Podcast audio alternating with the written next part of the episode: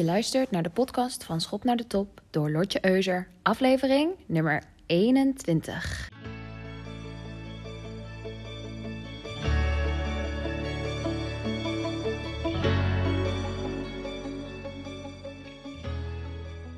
Hallo, hallo. Welkom bij de aflevering van vandaag. Leuk dat je luistert. Ik ben Lotje Euser en ik ben business coach. Ik coach met name vrouwelijke ondernemers op het gebied van sales en marketing, zodat zij zichtbaar de beste kunnen worden in hun vakgebied. En vandaag gaan we over een van mijn favoriete onderwerpen praten, namelijk geld. Deze hele week staat in het teken van prijsbepaling, geld en je mindset. Ik heb woensdag een webinar gegeven over verdienen wat je verdient. En het was zo leuk en ook zo goed om te zien dat de ondernemers die aansloten heel erg verschilden qua insteek waarom ze erbij waren. Sommige ondernemers waren erbij omdat ze echt nog zoekende waren naar voor welke prijs zij zichzelf in de markt willen neerzetten. En anderen waren gewoon al heel blij met hun prijs, maar wilden een beetje een money mindset aanscherpen. Nou, vandaag ga ik het dus hebben over geld. En ik kies dit onderwerp heel bewust, omdat veel vrouwen het lastig vinden om over geld te praten. En ik vind het echt geweldig om over geld te praten. Ik hou ontzettend van geld. En, maar ik voel dat, dat taboe soms ook nog. En ik had het hierover in mijn webinar. En ik vermoed dat dat taboe komt omdat er soms nog bepaalde overtuigingen zitten in ons onderbewustzijn. Zoals dat als je van eh, geld houdt, dat dat bijvoorbeeld negatief is. Of dat je dan gierig bent, of dat je niet om mensen geeft.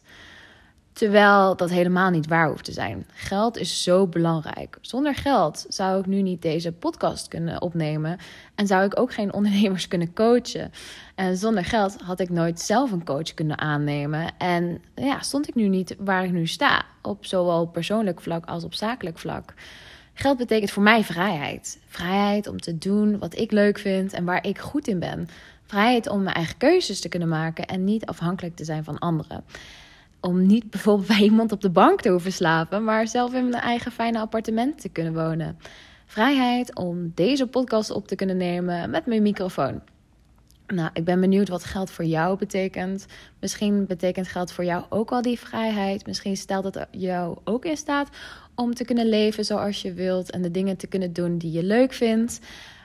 En um, nou, ik vind het dus belangrijk dat we opener gaan praten over geld, zodat we elkaar kunnen inspireren en elkaar kunnen helpen om ook daadwerkelijk, daadwerkelijk meer geld te verdienen. Want ik vind ook dat wij als vrouwen, dat er nog meer geld in onze handen mag komen.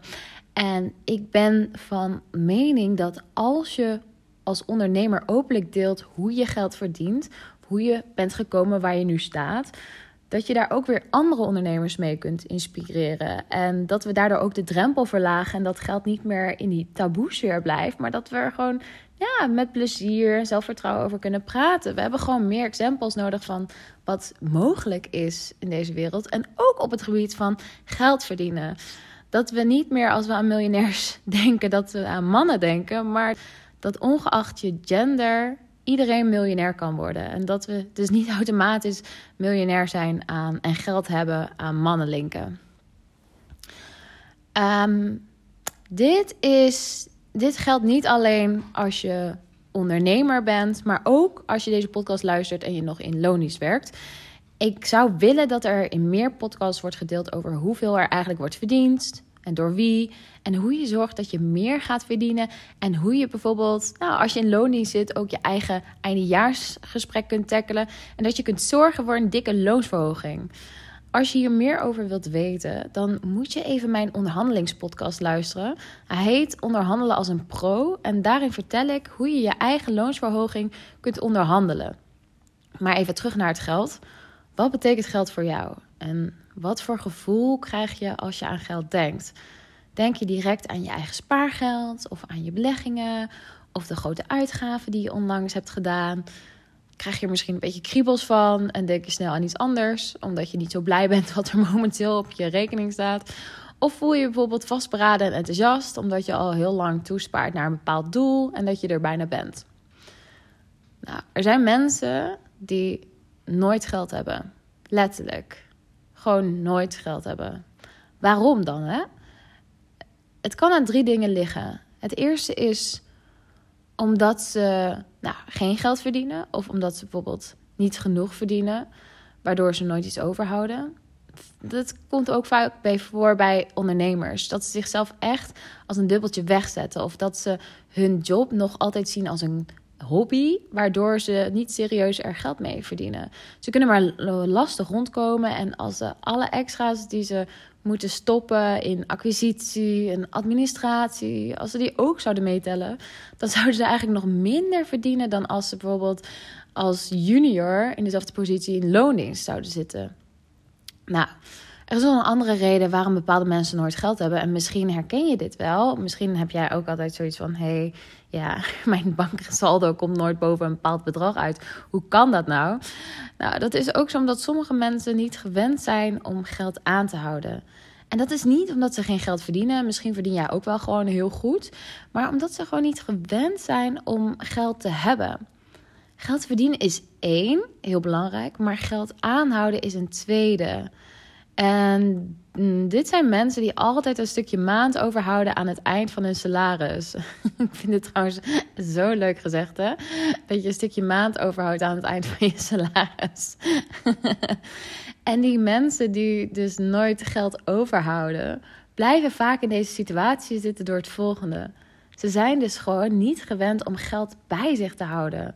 Ze geven het veel te snel uit. Ze denken: Oh, weet je, ik heb nog geld, dus waar kan ik het nu aan besteden? En het klinkt bizar, maar best wel veel mensen ervaren dit probleem. Ze verdienen het, maar daarna voelen ze zich zo onrustig als ze het hebben verdiend, dat ze direct weer uitgeven. Ze gaan direct weer kijken van oké, oeh, waar kan ik dit geld nu aan kwijt?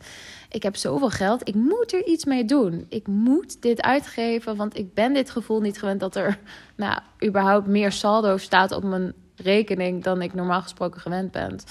En dat, is, dat komt door de derde reden. Omdat je niet gewend bent om bijvoorbeeld te sparen. Nou, veel mensen krijgen wel vanuit huis mee. Ik heb dat ook meegekregen. Dat het belangrijk is om te sparen. Maar er zijn ook mensen die dit gewoon niet doen of niet kunnen. Of ze denken dat ze het niet kunnen. En ze houden vast aan bepaalde overtuigingen. Zoals, nou, geld moet rollen. Waardoor, ja, als jij ook die overtuiging hebt, je mogelijk misschien gewoon al je geld te snel uitgeeft. En je niet, je, je niet comfortabel voelt om gewoon geld aan te houden. En geld bij je te houden en op een rekening te zetten. Of misschien denk je, nou, je leeft maar één keer en gebruik je dit als excuus om geld uit te geven uh, als water. Dat het gewoon letterlijk als water wegstroomt uit je rekening.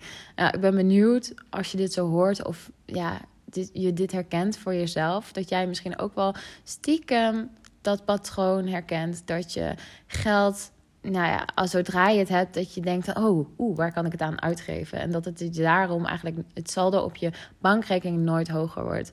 Nou, weet je, op zich is het niet erg dat je geld uitgeeft. Maar het wordt wel vervelend als je in één keer voor het feit staat dat je auto kapot gaat en je geen nieuwe auto kunt veroorloven omdat je dus nooit hiervoor hebt gespaard.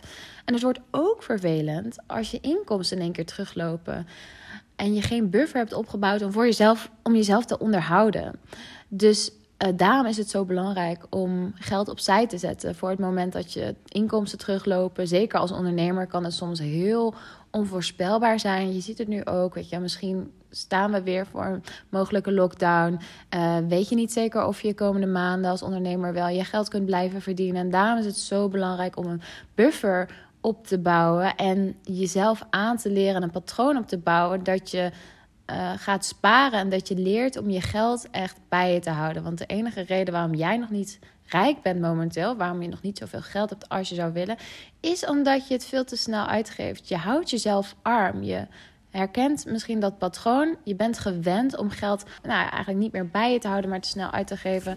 En daardoor zul je nooit een groot grote buffer opbouwen. Dus je houdt jezelf arm omdat je geld blijft uitgeven.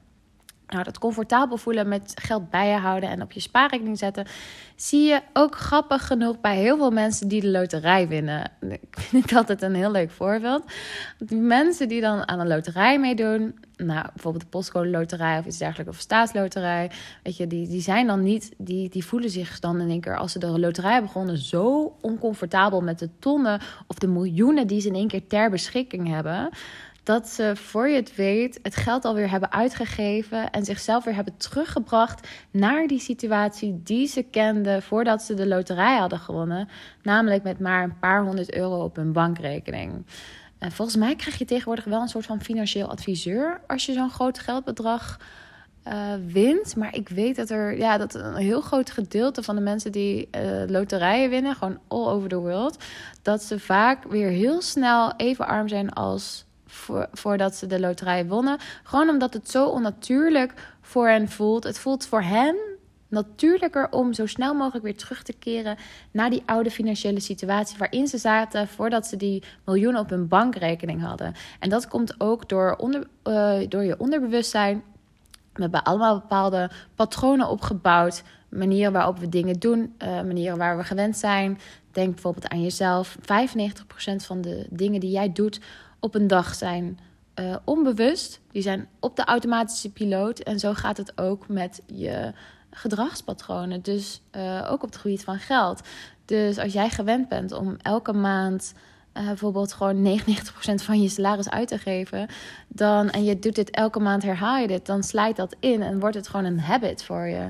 Uh, dat kan natuurlijk ook andersom werken. Dus als jij jezelf aanleert om elke maand bijvoorbeeld 500 euro te sparen, of misschien wel 1000 euro, dan wordt dit ook een vast patroon voor je en wordt dit gedurende de tijd makkelijker voor je. Nou, even terugkomend met die mensen die de loterij winnen. Um, ze hebben natuurlijk wel op een bepaalde manier geïnvesteerd met het geld wat ze hebben gewonnen. Misschien hebben ze een nieuw huis gekocht of een nieuwe auto of een aanbouw. Dus ze zijn er wel op een bepaalde manier voor, op vooruit gegaan voor hun eigen gevoel. Maar qua financiën zijn ze er eigenlijk niet op vooruit gegaan. Ze zijn gewoon in dezelfde patronen blijven zitten als voordat ze het geld won. En daarbij komt natuurlijk ook uh, een nieuw groot huis is leuk en een nieuwe dure auto is ook, kan ook heel leuk zijn als je er iets om geeft. Maar dit moet je ook onderhouden. En dat vergeten mensen vaak. Een, huis met een grote tuin is geweldig, maar die tuin moet je ook onderhouden. Anders wordt het één grote wildgroei. En dat is echt behoorlijk veel werk. Nou, en ik ken een interessant verhaal hierover, wat ik met je wil delen over. Um, het verhaal van iemand die bij de postcode loterij een prachtige BMW had gewonnen. Het was een voormalige collega van me van jaren terug die vertelde dit verhaal. Hij had een, echt een geweldige BMW gewonnen bij de Postcode Loterij. En hij reed er super trots mee rond. Uh, totdat hij merkte dat hij eigenlijk geen geld had om de auto te onderhouden. Hij kon de onderhoudsbeurten niet veroorloven. En dat had hij eigenlijk een beetje onderschat.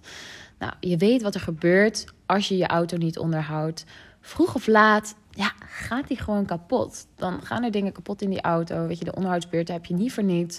Nou, en als je dan ineens een nieuwe BMW motor in je auto moet laten zetten, omdat je 40.000 kilometer over je onderhoudsbeurt bent gereden, ja, dan heb je het in één keer over een uitgave van 5000 euro, waarop je wellicht niet hebt gerekend, wat hij ook niet had. En vervolgens had hij dus helemaal niks meer aan die auto en was die auto eigenlijk een hele grote kostenpost.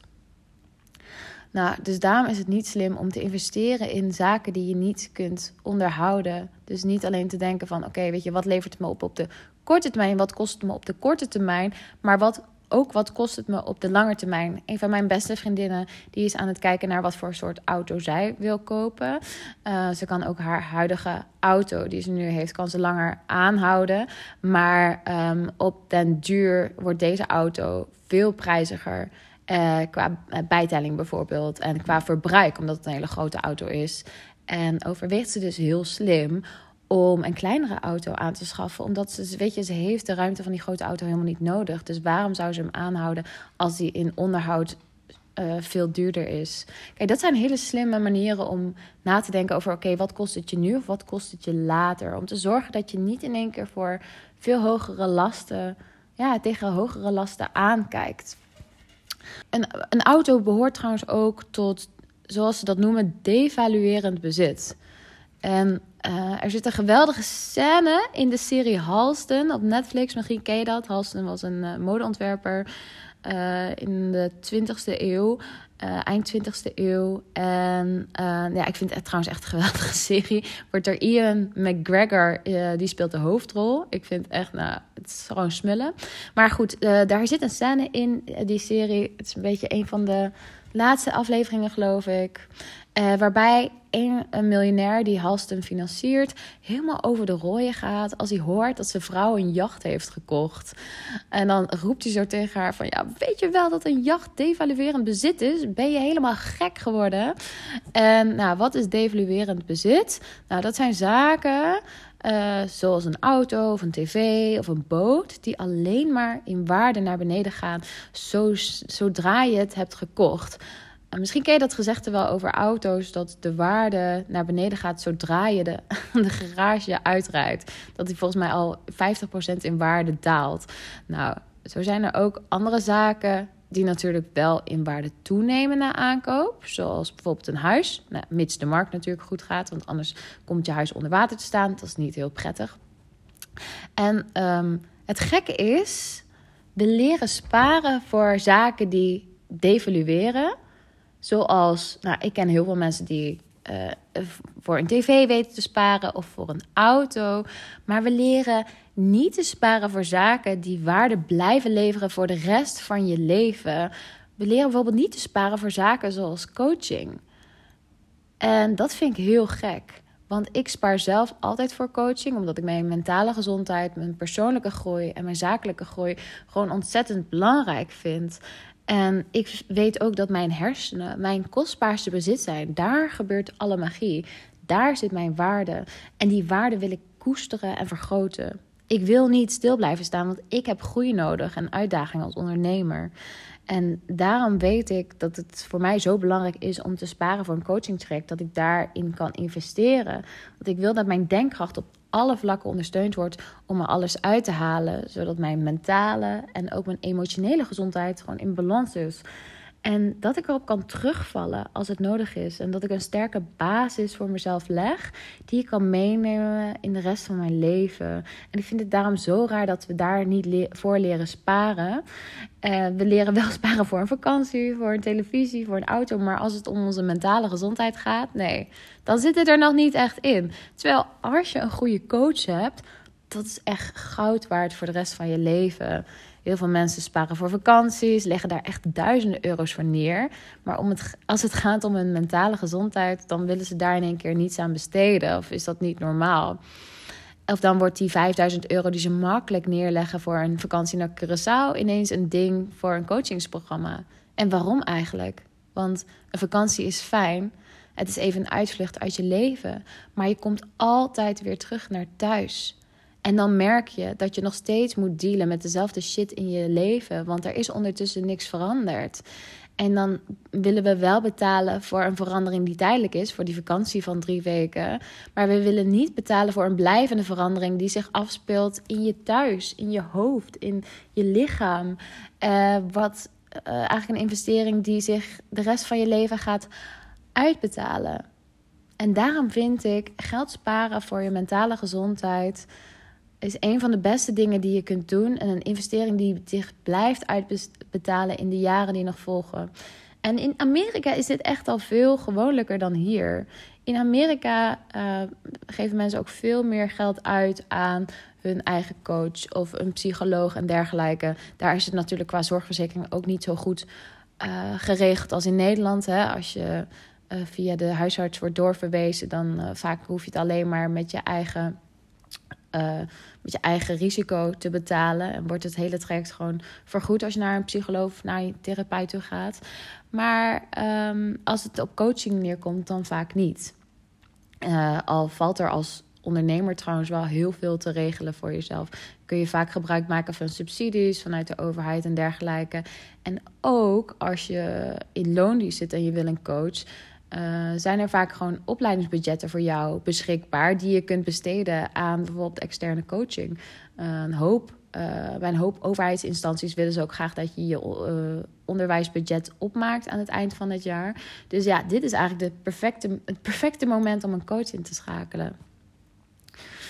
Nou, en voor een hoop van jullie gezien de statistieken van mijn podcastplatform, hebben de meeste van jullie gewoon ook nog wel zo'n 40 à 50 jaar voor zich. Dus ja, ik vind dan investeren in coaching wordt je de rest van je leven uh, blijft helpen. Ik vind dat echt gewoon een no-brainer. En in Amerika is het dus heel normaal dat je eens per kwartaal of per jaar gewoon even een mental check-up doet met je coach of met je therapeut. En ik zie wel dat het in Nederland aan het groeien is. Um, dat ja, steeds meer mensen in mijn omgeving nemen ook een coach in de arm. En dat vind ik echt een heel mooie, mooie ontwikkeling. En dat, is, dat doen ze niet omdat het altijd slecht met hun gaat of iets dergelijks. Omdat ze helemaal mentaal in de put zitten. Maar gewoon puur omdat ze stappen willen blijven zetten in hun eigen leven. Ze willen de periodes dat ze lekker in hun vel zitten, willen ze graag verlengen en vergroten. En ze willen ook zorgen dat wat het leven ook tegen hun aangooit, ze het gewoon kunnen handelen. Dat ze het aankunnen. En dat ze niet direct bij een tegenslag uit het veld geslagen zijn. En ja, een bepaalde veerkracht ontwikkelen om alles te kunnen tackelen wat ze tegenkomen in het leven. Zowel de goede als de slechte uh, momenten. Nou, de ondernemers die ik coach, die lopen ook gewoon prima met hun business. Maar ze willen puur meer uit zichzelf halen. Of ze willen zeker zijn dat wanneer hun inkomsten teruglopen, ze 100% weten wat ze moeten doen om het balletje weer te laten rollen.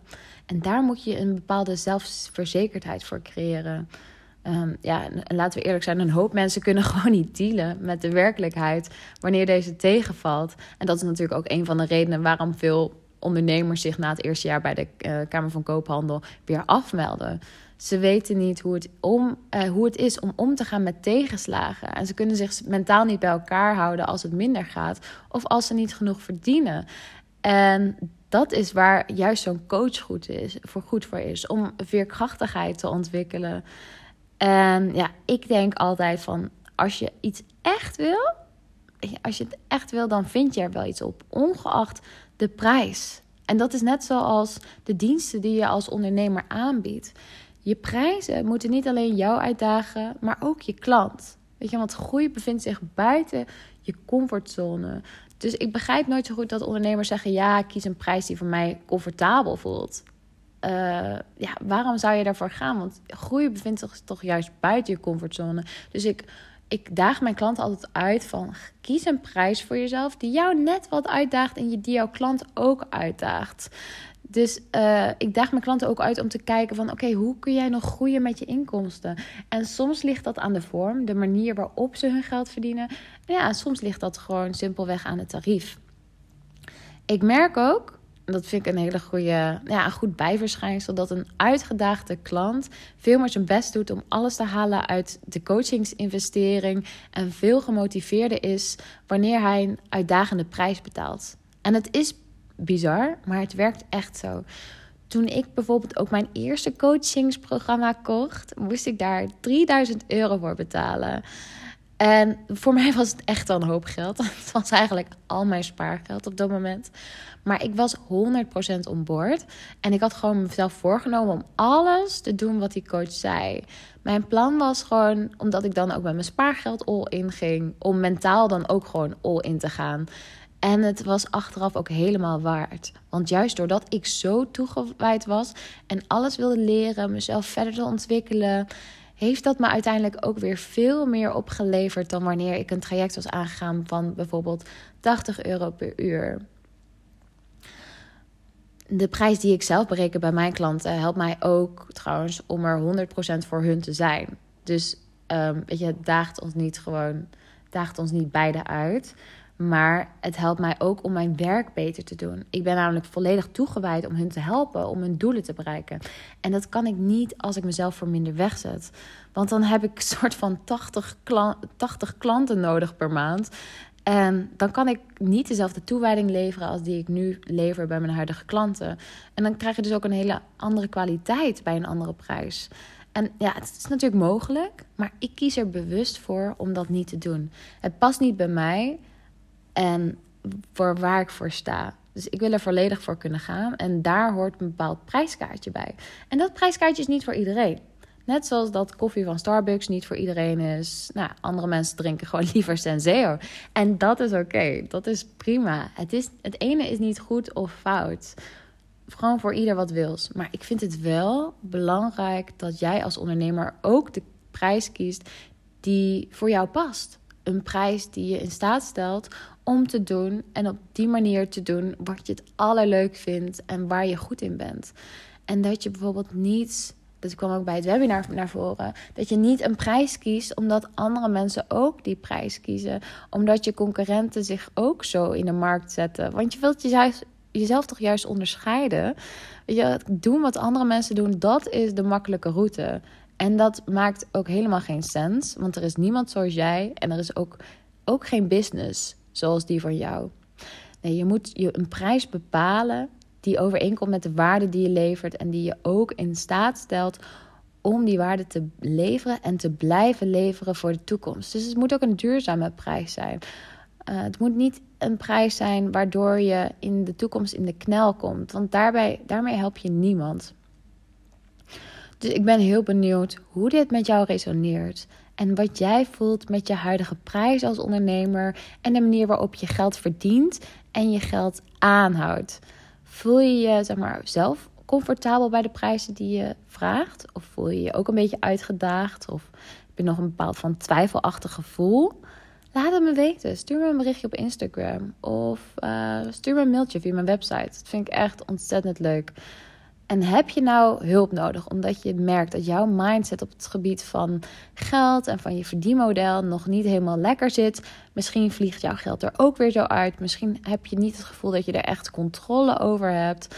Of misschien merk je dat je ja, op, eh, op dit moment geen duurzame geen duurzaam verdienmodel hebt voor jouw onderneming, vraag dan gewoon gerust een, gratis call aan, want ik ben er voor je. Nou, ik hoop dat je deze podcast leuk vond en dat je er iets van hebt opgestoken. En ja, ik hoop dat je de volgende keer weer luistert naar de nieuwe podcast van Schop naar de Top.